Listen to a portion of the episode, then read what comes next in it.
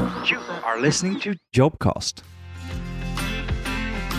Mitt namn är Hugo Salming och eh, jag jobbar som ledande montör på Pogab. Jag heter Alicia och jag pluggar till plåtslagare på Bråvallagymnasiet.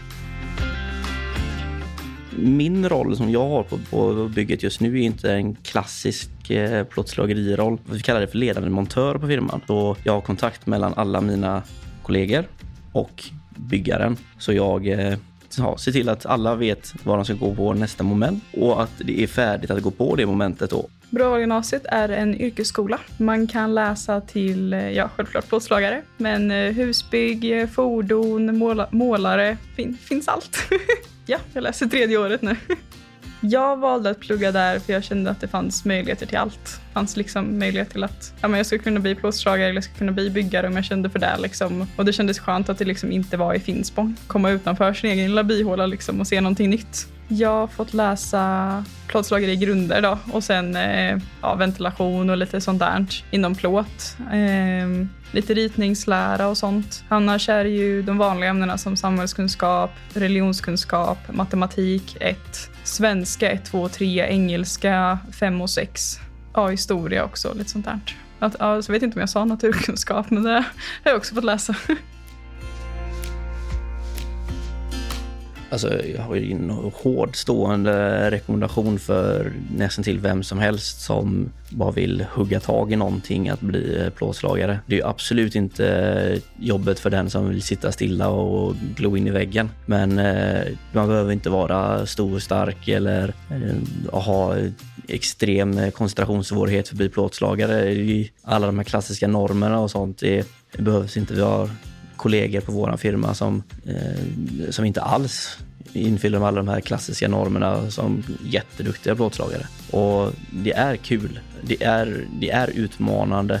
Jag starkt rekommenderar för alla som vill, som vill hugga tag i någonting. Man behöver inte riktigt tänka på vad det är man vill hugga tag i, men vill man ha någonting att göra som kan utmana en ordentligt så är det plåtslageri klockrent alltså. För att bli en duktig plåtslagare, och jag tror att det krävs att man vill. Att man är villig att lära sig mer. Liksom att man inte slutar bara för att man känner att man själv är bäst kanske, utan att man hela tiden försöka lära sig nya saker. Ja, att man, man är villig liksom. Man står där och bara, men det här ska bli roligt. Att man också är positiv till att det ska komma nya saker, och nya händelser och att även när det är svårt så ger man inte upp eller man blir inte arg för att det är svårt utan att man fortsätter liksom försöka. Jag tror det är det som är det viktigaste. Jag brukar säga till folk när jag träffar dem i 8 och 9 klasser och sånt. Jag, jag ställer tre krav på alla. De ska vara i tid, de ska vilja lära sig någonting och så ska de dessutom vara totalt extremt värdelösa på allt och plåtslageri har de att göra. För det är vårt jobb att se till att vi de ska lära sig. Det är inte de som ska vara duktiga från start. En av mina andra kollegor, Sanna, som eh, jag jobbat, gjorde hela Platinan-projektet med. Hon är inte den på firman som är känd för att vara stor och stark. Men hon är jätteenergisk på att lära sig nya saker. Hon med glädje gör alla moment i vårt jobb. Men det är ingen som bryr sig ifall hon tar sex stycken plåtar på axeln och går iväg eller om hon tar tre. Alltså det, det är inte där man vinner tid. Vad som krävs för en duktig plåtslagare är kom i tid, vill lära dig någonting. Det är de enda två. behövs inget mer. Nej, men jag tror att mitt driv mestadels kommer från att jag verkligen vill. Jag tycker verkligen att det är roligt.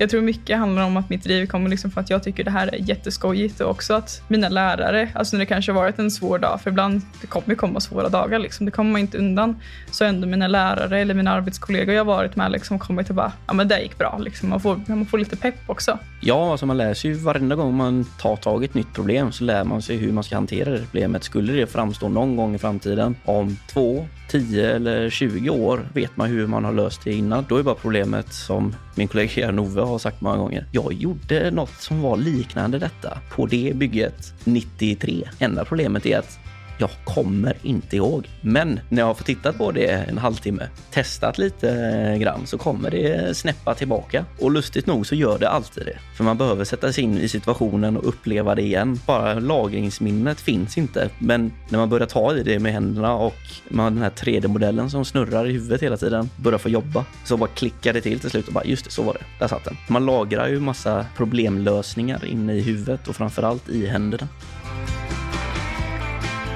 det coolaste projektet jag har jobbat med i Grimeton kyrka nere i Varberg. En eh, riktigt detaljerad koppartäckt eh, kyrktorn med massa, massa, massa små detaljer i koppar och det var sjukt utmanande. Jag var lärling under den tiden, hade precis gått ut gymnasiet och allt som jag såg framför mig var bara nytt, nytt, nytt. Jag hade aldrig sett någonting av det innan och det var bara helt sjukt roligt att få uppleva en sån sak att varje dag så stod mina kollegor där som hade lite bättre koll än vad jag hade, eller mycket faktiskt.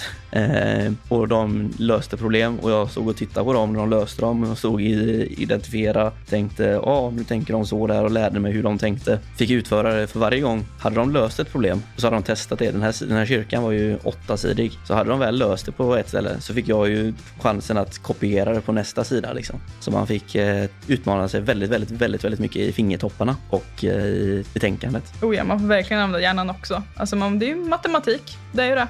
Det är ju inte jättesvår matematik, men man får ändå sitta och räkna lite och ibland så kanske man på ett äldre hus, då kan ju måtten inte alls vara likadana som på andra sidan. Så då måste man ju ta egna mått och man kanske måste ha en man kanske inte sätter upp det som i vanliga fall, liksom, man får använda andra strategier och så. Så det är mycket att använda hjärnan och tänka utanför boxen, skulle jag påstå själv i alla fall. Och sen så är det en grov variation av vad man gör. För ena dagen så sitter man och gör små, små, små, små detaljer inne på verkstaden och har knappt att eh, fingertopparna är för stora för att kunna jobba med. Och nästa dag så har vi varit ute och så har vi monterat eh, två millimeter stora galvprofiler som eh, är stora som ett matrumsbord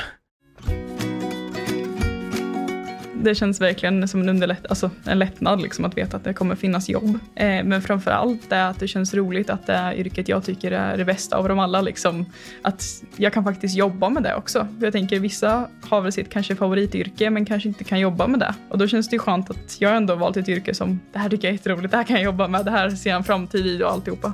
Det finns lite roliga saker där med stolthet av vad man håller på med på dagtid. Då, när man åker runt inne i Göteborg och man pekar på saker och folk säger att man är yrkesskadad och allt möjligt sånt så brukar jag eh, faktiskt bara ta inte åt mig överhuvudtaget. Jag bara blir mer energisk av det. För att om man säger att någon är yrkesskadad för de vill visa vad de håller på med. Det är bara ett tecken på stolthet. Man är stolt över vad man har gjort. Och jag älskar att visa upp vad det är jag har gjort och framförallt om det är på ställen som man faktiskt kan se och ta på. För vill man inte prata om sitt jobb och inte tycker om det, då, vet jag inte, då tror jag inte man tycker om sitt jobb egentligen. Jag älskar det jag gör och vill gärna visa upp det. Och jag är, jag är stolt över det. Du har lyssnat på Jobcast